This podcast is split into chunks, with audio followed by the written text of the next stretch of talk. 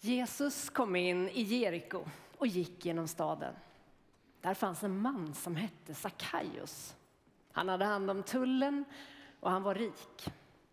Han ville gärna se vem denne Jesus var, men kunde inte för folkmassan, för han var kort till växten.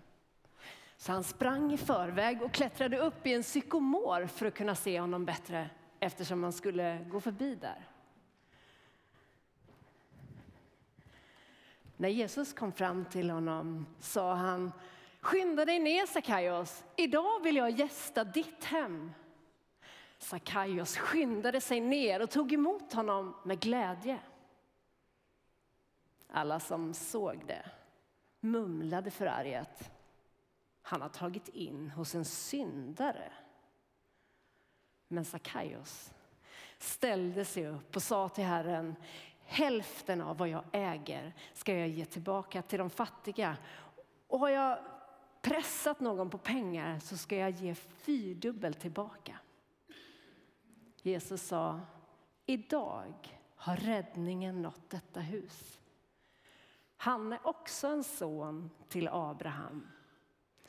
Människosonen har kommit för att rädda det som är förlorat. Tänk att få vara en plats där alla slags människor får möta Guds barmhärtighet. Det här är någonting som jag har burit med mig under den här hösten, som jag har tänkt på och som den här predikan kommer att handla om. Att vara en plats där alla slags människor får möta Guds barmhärtighet.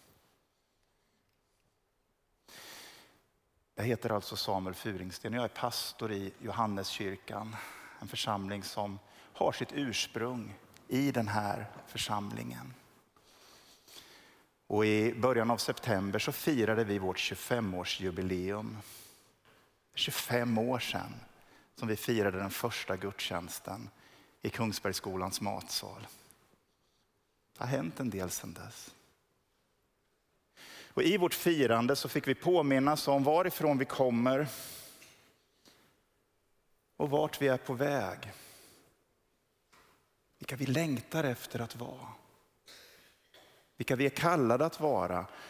Och återigen så gick jag tillbaka till vår församlingsordning när vi höll på att ladda för jubileet. Och jag drabbades så starkt av den första meningen. Där det står just detta, att vi vill vara en plats där alla slags människor får möta Guds barmhärtighet. Jag skulle säga att det här inte bara är en kallelse för Johanneskyrkan i Linköping. Utan det här är vad Jesus kallar oss till. Att vara den platsen. Berättelsen om Sakaios. Det är ett konkret uttryck för vad som händer när det skapas en plats där alla slags människor får möta Guds barmhärtighet. Där Sakaios möte med Jesus förvandlar hans liv inifrån och ut och samtidigt blir det ett dubbelt tilltal till oss. Både att öppna oss för Guds barmhärtighet och samtidigt att visa samma barmhärtighet mot andra. Att ge som gåva vad vi har fått som gåva. Det här är en berättelse om att möta Guds barmhärtighet och att visa Guds barmhärtighet. Ytterst en inbjudan att vara den platsen där alla slags människor får möta Guds barmhärtighet. Det kommer jag att uppehålla mig vid idag. Men innan jag fortsätter så skulle jag vilja be tillsammans med er.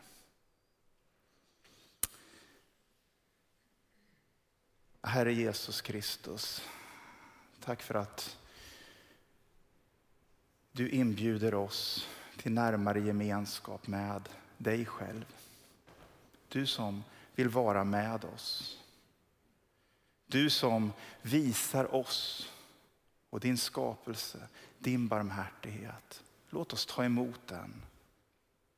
Och låt oss vara den platsen där alla slags människor får möta din barmhärtighet. Kom heliga ande. Öppna våra ögon för vad det innebär att följa Jesus och förenas med hans intressen i världen. Hjälp oss att bryta med alla de makter som vill hindra oss och led allt så att Fadern blir ärad och lovprisad genom Jesus Kristus, vår Herre. Amen.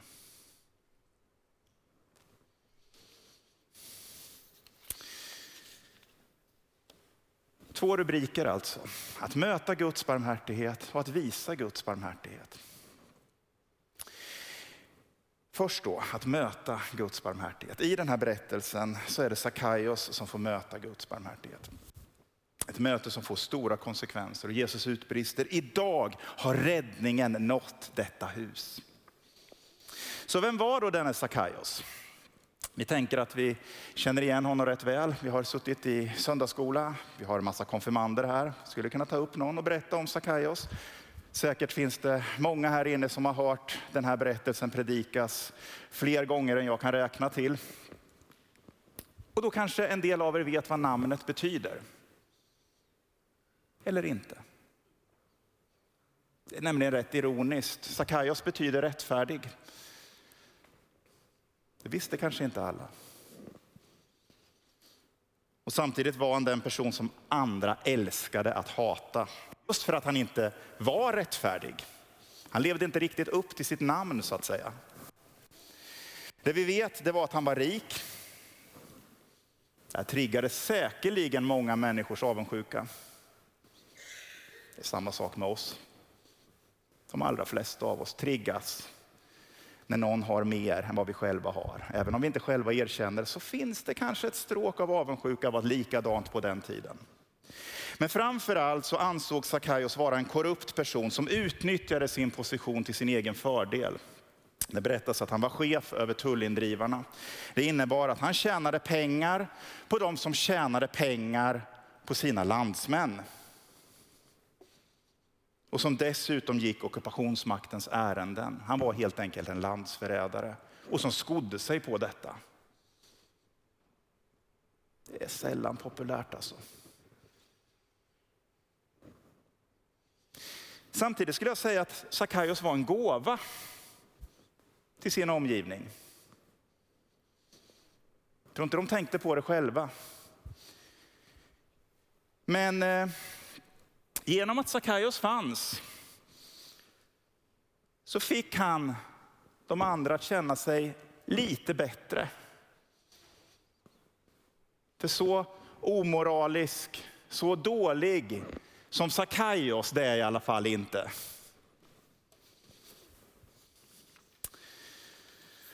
Och att han var rik, det gjorde ju bara att man kunde rättfärdiga sin egen avundsjuka genom att övertyga sig själva om att det fanns minsann moraliska skäl att avfärda den här mannen. Med följden att det var lättare att dölja de här mindre klädsamma motiven som man gick omkring med i form av avund, i form av missundsamhet och annat. Och att han dessutom var liten till växten gjorde att de allra flesta rent bokstavligt kunde se ner på honom. Återigen, han var en man som andra älskade att hata. En man som förmodligen var väl förtrogen med att känna både skam och att erfara detta, att inte möta andras barmhärtighet. Något som rimligtvis borde ha påverkat hans självbild. Liksom hans agerande gentemot andra människor. För det, det är svårt att inte påverkas av hur andra tänker och tycker och agerar mot en. Särskilt när de ser ner på honom. Vi tänker kanske att det var på grund av att han var liten till växten som man inte kunde se Jesus när han kom till Jeriko. Och visst, det var säkert en bidragande orsak. Men om Sakaios hade varit omtyckt, om han hade haft gott anseende, om han hade haft goda relationer, då hade inte det här varit något hinder att han var liten till växten. För då hade andra självklart släppt fram honom. Men du, ställ dig framför mig, du kommer i alla fall inte skymma. Ta den här platsen, det är klart du ska se. Men så var det inte. Och det där visste självklart Sackaios. Det var därför han fick smida en annan plan för hur han skulle se Jesus. För det är klart att han inte kunde undgå att han var fel i andras ögon. Sånt känner man utan att det kanske alltid uttalas. Men trots utanförskap, trots andras motvilja, så är det tydligt att han hade ett starkt driv att få del av det som skulle hända. Han ville verkligen se Jesus. Däremot så ville han nog inte bli sedd. Och då var det en rätt smart lösning han kom på, att klättra upp i ett träd. Där kunde han sitta utan att få andras dömande blickar eller kommentarer. Och så kunde han följa vad som skedde. Ändå blev han sedd av Jesus. Och i mötet med Guds barmhärtighet så skyndade han sig ner och tog emot Jesus. Det står att han gjorde det med glädje. Och jag tänker att det där antyder att han nog innerst inne ville bli sedd. Inte med dömande blickar, men med barmhärtighet. Och berättelsen om Sakaios möte med Jesus, jag har suttit med den här i veckan, påminner mig om en gammal enkel sång. Som jag, jag kan minnas redan från att jag var liten hade svårt att värja mig emot. Göte Strandsjös enkla sång, Att komma hem. Som när ett barn kommer hem om kvällen och möts av en vänlig famn. Så var det för mig att komma till Gud. Jag kände att där hörde jag hemma. Det fanns en plats i Guds stora rum. En plats som väntade på mig. Och jag kände, här är jag hemma. Jag vill vara ett barn i Guds hem.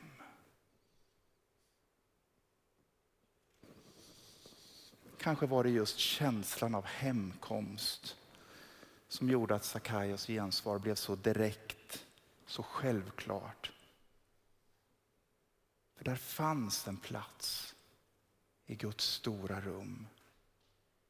En plats som väntade på honom där han fick möta Guds barmhärtighet. Och som han välkomnar med glädje. I mötet med Jesus så insåg Sackaios sitt värde och fick sin bekräftelse. Han bjöds in i en ny gemenskap där han inte längre definierades av det som han hade gjort eller som andra hade klistrat på honom. Precis som Jesus själv fick höra från himlen innan han hade gjort ett endaste mirakel. Innan han hade börjat sin offentliga tjänst. Innan han hade hunnit bli någonting i andras ögon. Du är min älskade son.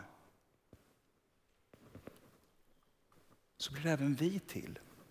Får även vi vårt värde, vår bekräftelse i mötet med Guds barmhärtighet förmedlad genom Jesus Kristus. Det är det vi erfar när vi likt Sakaios kan börja släppa taget om det som vi krampaktigt håller fast vid. Men som Jesus erbjuder sig att lyfta av. Berättelsen om Sakaios vittnar tydligt om hur barmhärtighet föder barmhärtighet. Sackaios möter Guds barmhärtighet genom Jesus och hans gensvar det blir att visa andra barmhärtighet. Hälften av vad jag äger, Herre, ska jag ge åt de fattiga. Och har jag pressat ut pengar av någon annan så ska jag betala igen det fyrdubbelt. Fantastiskt va? Tänk vilken hel omvändning för att inte säga omvändelse. Omvändelsen är väldigt konkret. Och det leder oss till den andra punkten. Att visa Guds barmhärtighet. Men vi sätter ett litet kommatecken där. Vi har pratat om hur Sackaios fick möta Guds barmhärtighet och hur Jesus inbjuder oss att möta denna barmhärtighet. Hoppas ni är med så här långt. Det är lite svårt att avbryta nu och sen ska någon räcka upp handen. Du, hallå, vänta, stopp ett tag. Men om vi sammanfattar så har vi pratat om att få möta Guds barmhärtighet så som Jesus förkroppsligar detta. Då går vi vidare att visa Guds barmhärtighet. När Jesus kommer till Jeriko så är han på målrakan av sitt uppdrag här på jorden. Han är på väg mot Jerusalem där han helt snart kommer att förvandla hela världshistorien i grunden genom att dö på ett kors och uppstå för hela världens räddning. Ändå så väljer han att göra ett stopp i Jeriko. Och det han gör där, det förbryllar helt uppenbart omgivningen, det förstår vi av texten. För han väljer att lägga tid på den person som i princip alla andra såg ner på. Varför gör han det? Och hur framför allt gör han det? Jo, han bjuder hem sig själv till Sakaios. Intressant. Varför? Jo, för han vill vara med Sakaios. Han vill gästa hans hem. Notera detta. Att det är genom Jesu närvaro som Sakaios möter Guds barmhärtighet. Inte genom att Jesus talar om Sakaios. Han talar med Sakaios, men framför allt så visar Jesus Sakaios, jag vill vara med dig. Där möter han Guds barmhärtighet. Vi som lever idag, 2021, vi kan knappast undgå alla polariserade diskussioner som pågår i princip överallt. Både i kyrkan och utanför. Där det ofta talas om varandra. Hur de där, där borta är. Ibland talar vi med varandra. Vi tänker att vi kanske kan tala varandra till rätta om vi talar med varandra. Så att du förstår att du har fel och jag har rätt. Men alldeles för sällan så är vi med varandra. Där jag aktivt väljer att möta den som tycker radikalt annorlunda än jag. Inte främst för att fortsätta att diskutera, utan för att vi ska möta varandra som människor. Öga mot öga och vara med varandra. Där vi visar varandra Guds barmhärtighet och i detta också öppnar oss för att möta barmhärtighet. Det där händer inte särskilt ofta. För det där, om något, det är en smal väg att gå. Vi talar ofta om breda vägar och smala vägar. Att gå barmhärtighetens väg, det är en smal väg. Se bara hur människorna reagerade när Jesus valde att vara med Sackaios. Det muttrades förargat av alla. Det är en smal väg för den blottar vår egen sårbarhet. För det är inte självklart att alla de vi visar barmhärtighet kommer att möta oss med samma barmhärtighet. Men när det blir så, då blir det ett vittnesbörd om ett annat rike.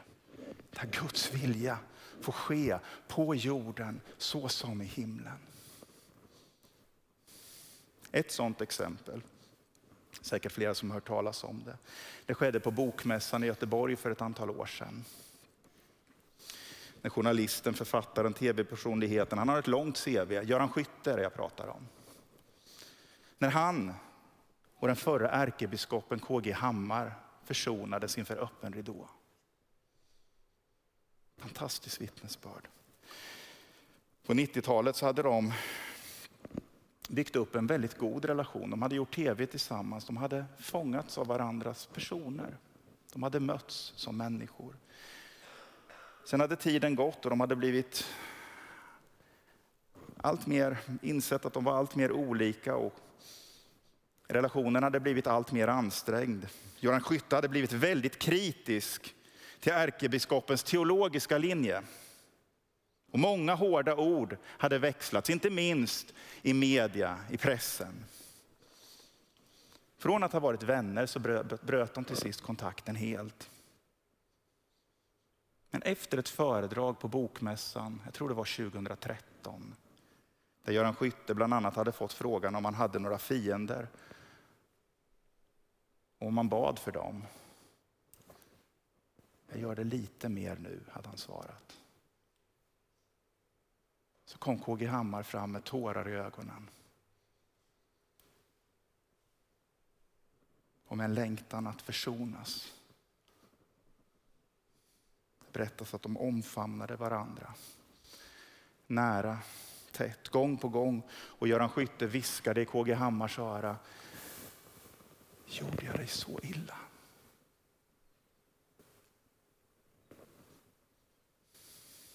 Och till slut rann tårarna även ner för Göran Skyttes kinder. Och mitt i folkvimlet på bokmässan så stod de två männen där och omfamnade varandra.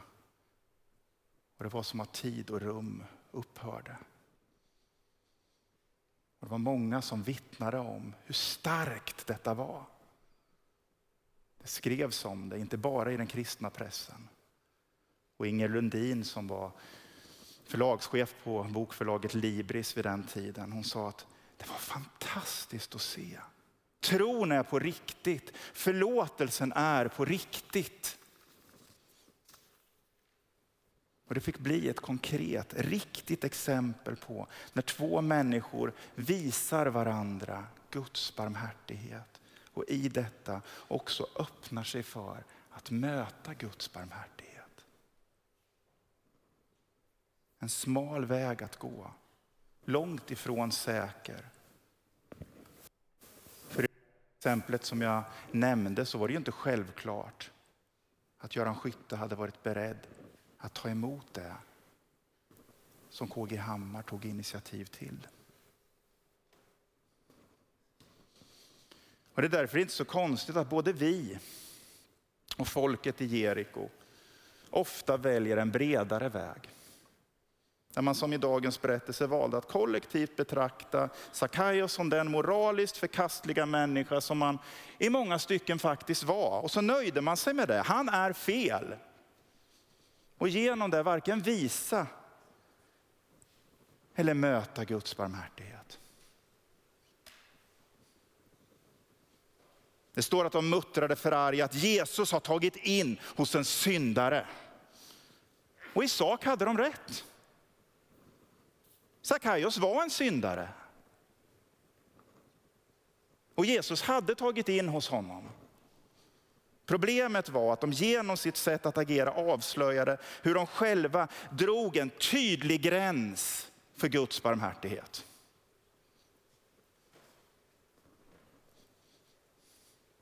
De talade om Sackaios och Jesus. Kanske hade de även talat med Sackaios. Talat om hur fel han var och vad han borde göra för att hamna rätt. Men att döma av deras agerande och av berättelsen så hade de förmodligen aldrig på allvar varit med Sackaios. Kanske för att de själva inte hade fattat att de också var syndare i djupt behov av frälsning. Att Jesus längtade lika mycket efter att gästa deras hem. Men också att de skulle inse att ni måste ju också gästa varandras hem. Jag har kommit för att världen ska ha liv och liv i överflöd. För tänk om Jesus inte hade gästat Sackaios den här dagen. Då är det fullt rimligt att tänka att han kanske aldrig hade fått möta barmhärtighet på den plats han befann sig. Just för att hans omgivning inte hade varit den plats där alla slags människor får möta Guds barmhärtighet.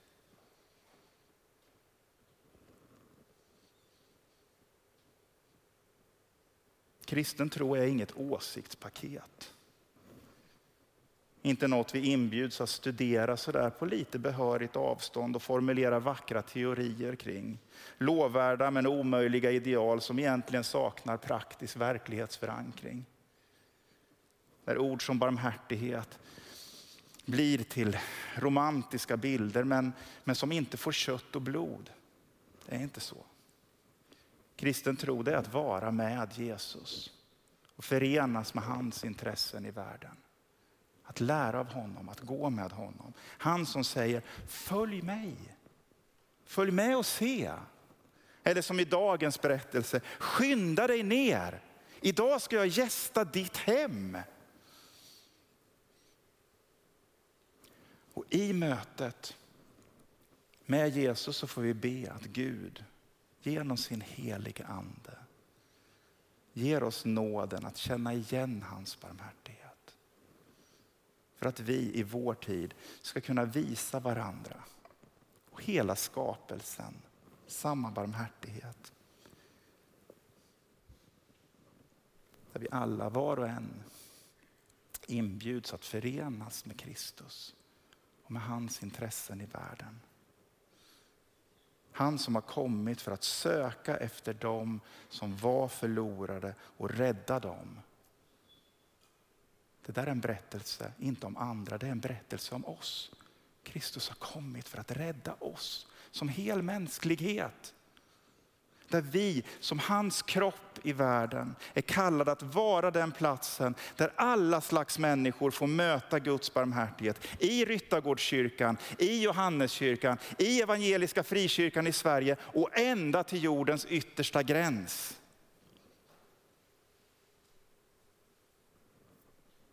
Skynda er ner, för idag ska jag gästa ert hem.